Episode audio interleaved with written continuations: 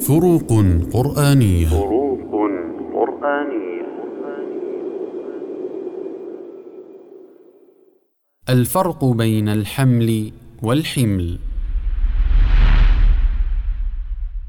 الحمل بفتح الحاء هو الجنين يكون في بطن الأنثى كما في قوله تعالى هو الذي خلقكم من نفس واحدة وجعل منها زوجها ليسكن إليها فلما تغشاها حملت حملا خفيفا فمرت به.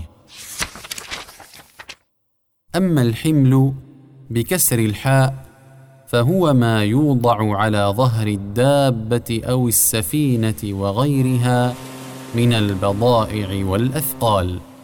كما في قوله تعالى قالوا نفقد صواع الملك ولمن جاء به حمل بعير ويستعار للذنوب كما في قوله تعالى وقد آتيناك من لدنا ذكرا من أعرض عنه فإنه يحمل يوم القيامة وزرا.